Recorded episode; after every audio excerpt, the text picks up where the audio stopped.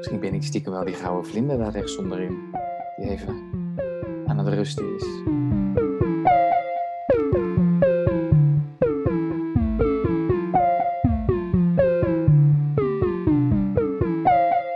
Hoi, ik ben Jobbe, En ik ben Mo en dit is Radio Kijk. de podcast om zonder museum toch naar kunst te kunnen kijken. En iedere week vragen we iemand om een kunstwerk uit te zoeken waar diegene graag wat langer naar zou willen kijken. En die verhalen, die hoor je hier. Je kunt zelf ook meekijken tijdens het luisteren. Klik daarvoor even op de link in de beschrijving. Vandaag kijken we samen met Jeffrey Deelman naar Ette van Yang Bin. En Jeffrey bouwt aan creatieve netwerken tussen het onderwijs en de culturele professionals, want hij is adviseur cultuuronderwijs. Hey Jeffrey, Hey Jobbe. hallo, hoe is het? Eh, het is wel goed.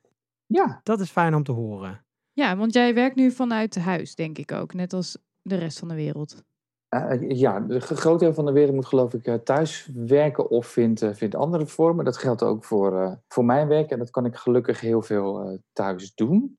Mhm. Maar ik merk wel dat ik het contact met, eh, met mensen in het eh, onderwijs of in het culturele veld wel mis. Het is heel anders om in een beeldschermpje een overleg te doen dan dat je dat lijfelijk doet. Toch hele andere gesprekken. Nou, het levert ook wel mooie dingen op, maar ik mis het. ehm je krijgt volgens mij meer mee. Er zit geen beeldscherm tussen. Het is een andere, andere dynamiek. En eigenlijk is dat ook direct eh, met kunst aan de hand, als het om je heen is. Dat je, dat je ja, toch naar een scher- een scherm blijft kijken. Dat is anders dan in de echte ruimte. Dan hadden we misschien bij mij voor de deur moeten afspreken. Dan had ik het, eh, want het schilderij wat, eh, wat, wat, jullie, wat we op beeld nu voor ons zien, dat hangt bij mij aan de muur. Aha. Een meter bij een meter. Dus misschien hadden we dat voor het raam moeten doen. En dan hadden we, had ik binnen kunnen zitten en dan hadden we via telefoon samen nog naar het kunstwerk kunnen kijken. Kun je beschrijven wat we allemaal zien? Ja, maar ehm, ik, ik wil nog even iets zeggen over dat we het nu in beeld kijken. Want hij hangt bij mij aan de muur, maar daar is die donkerder. Ik was op zoek naar een afbeelding van dit, eh, dit schilderij. dacht ik, hé, het is eigenlijk veel lichter. Ik zie op deze afbeelding zie ik meer dan ehm, het werk wat bij ons thuis aan de muur hangt. Kijk, dat is sowieso alweer interessant. Ja. Ehm, en kun je ons stap voor stap door de, eh, ik wil eigenlijk de hele tijd schilderij zeggen, eh, maar kun je ons stap voor stap meenemen door het werk? Nou, die, spraakverwar ja, die spraakverwarring is eigenlijk wel, wel mooi. Want het is een Ja. stil leven. Dus het lijkt heel erg een, een, een schilderij van een stil leven van, van bloemen. Die eh, vol in bloei staan, naar mijn idee. Bijna op het punt van verwelken. Ehm, grote bloemen, volgens mij zie ik. eh, oh, hortensia's. Ik vergeet altijd die namen. hortensia's, eh, lelies zie ik eh, hele mooie tulpen in rood, wit, blauwe, blauwe kleuren. Staat in een, in een vaas. Voor mijn gevoel op, een, ja, op, op de rand van een muurtje, denk ik. Want het lijkt heel erg eh, een betonnen muurtje zijn. Tegen een hele donkere achtergrond. En op die eh, eh, boeket van bloemen, het leven van bloemen, daar vliegen een aantal, een aantal vlinders op af. Mhm. Dus als je het hebt over wat, wat ik zie, wat ik heel mooi vind, zijn, zijn die bloemen. Het is voor mij een soort tra- bijna traditioneel stil leven. Toen ik het werk zag, dacht ik ook, oh, dit is gewoon een foto van een gouden eeuwachtige schilder. Eh, is gewoon gefotografeerd. Maar dat bleek uiteindelijk ja, een, eh, een fotograaf te zijn die geloof ik één jaar ouder is dan, eh, dan ik ben. Die dus, dus gewoon met fotografie heeft gedaan. Dat vond ik zo knap dat ik bijna met mijn neus bovenop ging staan. Misschien ook omdat het heel donker is. Want ik wilde meer zien. Want daar knallen de bloemen die knallen heel erg uit. Qua vrolijke, sprankelende kleuren. Zoals dat roze, dat witte, dat blauwe. Maar die donkere dingen, en met name die vlinders die je op het schilderij ziet. Die ziet in het, eh, in het echte werk zijn die veel donkerder. Zie je die ook veel minder. Ja. En op het muurtje ligt aan de linkerzijde een soort zaaddoos van bloemen. En eh, aan de rechterkant lijken er een soort noten, verrotte-achtige, notenachtige dingen te liggen. Dat is ook het mooie dat ik nu op, eh, op het beeldscherm die noten veel beter zie dan, ehm, Hm. Dan op het echte schilderij. Dat het, daar is ook echt alles super donker en knallen die bloemen er veel meer uit. Dan wordt het in het echt, wat mij betreft, een veel mysterieuze schilderij. Die, dat donkere gat waar die eh, springende felle bloemen in staan. En ik heb nog even de titel gezocht van het werk. En dat heet volgens mij uh, wat volgens mij Frans is voor zomer. Toen dacht ik, oh, dit vind ik wel heel spannend. Er zit wel een, uh, de zomerse vrolijke kleuren, maar het is ook een beetje dat je denkt, weet je, het verval komt er ook weer aan. Ja. Die dreigende lucht, die bloemen die net beginnen te hangen. Ik Precies. vind zelf ook boeketten met bloemen ook het mooiste op het moment dat ze volle, vol uitgebloeid zijn. Ja, nou ik vind het eigenlijk zo, naast het kleurige, kan ik bijna het boeket ruiken. Hè, vlak voordat het zo gaat verwelken, zo'n bloem, lijken ze meestal voor mij tenminste het meest geurig te zijn. En ik heb dat, Ja. diezelfde bonte kleuren, die bonte geuren kan ik ook bijna ruiken. Is dat het misschien waarom ik er met mijn neus bovenop ga staan? dat eigenlijk de geur is die ik wil ruiken. is Ja? helemaal niet de donkerte van het Maar schilderij. jij kan je erin herkennen.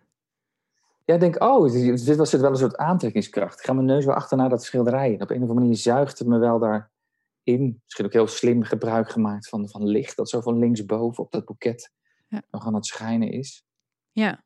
ja, het is heel mysterieus daardoor. En het dreigende van die donkere wolken, dat maakt het boeket ook heel dramatisch.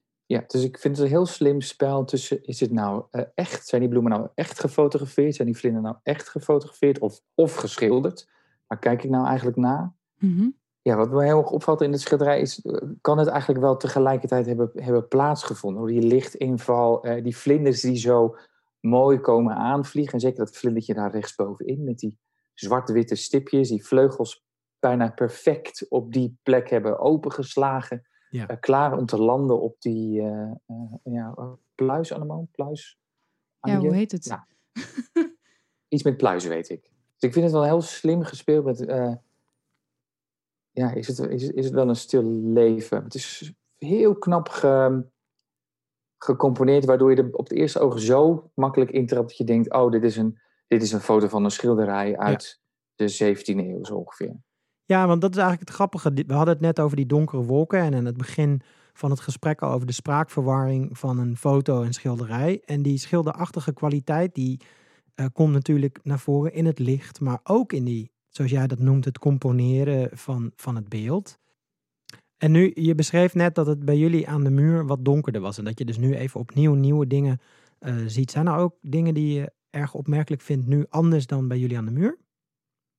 Nou, die vlinders bijvoorbeeld. Ik, eh, aan de muur moet ik heel erg zoeken waar zijn die vlinders. Maar die rode bloemen bijvoorbeeld, die zijn me tot nu toe echt nog nooit opgevallen. Zeker die daar links onderin zo nog. Die pioenroos, denk ik, of zo. Ik weet het niet zo wat het is. Ik loop even naar het echte kunstwerk om het nog eens even wat beter te gaan vergelijken. Jongens, hysterie alom. Ja, het is, eh, volgens mij heb je gelijk. Het lijkt wel een soort, soort pi- pioenroos. Maar die is heel, heel donker, is die, eh, is hier. Valt het veel minder eh, op. Oh ja, Ah, ja. kijk, nu heb ik die vlinder gevonden. Ehm, rechts zit een soort peervormige noot die op dat Oh eh, ja, marmeren plateau ligt. En daar staat ook nog een goudkleurige Oh ja, vlinder. zit Ja. daar. inderdaad. Ja, dus ik vind het een heel mooi spel tussen eh, eh, een soort nieuw leven of dingen wat gaan uitbloeien. Bijvoorbeeld die, die tulpen, die rood-witte tulpen. Die, eh, nou, die mogen voor mij nog wat meer gaan eh, bloeien. nieuw leven. En Jeffrey, ik vroeg je een werk uit te zoeken om langer naar te kijken. Waarom heb je dit werk uitgekozen? Toen ik me vroeg van, hey, waarom kijk je, kijk je juist, wil je juist nu hier naar kijken? Dacht ik, oh, omdat het me ook wel op een of andere manier rustig maakt. En weet je ook hoe dat komt, dat het je rustig maakt? Nee, ik weet niet, weet niet. En ik wil het ook niet weten ook hoe het gebeurt. Gewoon, Ja, of gaat het gewoon eigenlijk bij jou om het, meer om het kijken? Ja, dat is misschien meer de, de verstilling die mij daar ook heel erg in, in aanspreekt. Even zo een moment in de tijd. Mhm. Want een fractie van een seconde later, even vanuit theater gedacht, want dat is mijn, mijn oorsprong, gaan verhalen door. Zou die vlinder geland zijn? Hoe ziet het er dan uit? Wat doet die vlinder daar rechts onderin? Of die beestjes, komen er nog meer beestjes Mhm. eh, tevoorschijn? Wat gaat er met die bloemen gebeuren? Zoals we het net al hadden over. Hey, sommige bloemen die, eh, die moeten nog tot volle, eh, moet- moeten nog volledig uitbloeien. Die grote roze bloem, eh, bijna in het midden van de schilderij, die begint onder andere eh, onderin al tekenen te vertonen van, van verval en uitdroging. Dus het, ja, stil leven. De soort mogelijkheid van, van wat er nog gaat gebeuren. Ja. Dat is het spannende.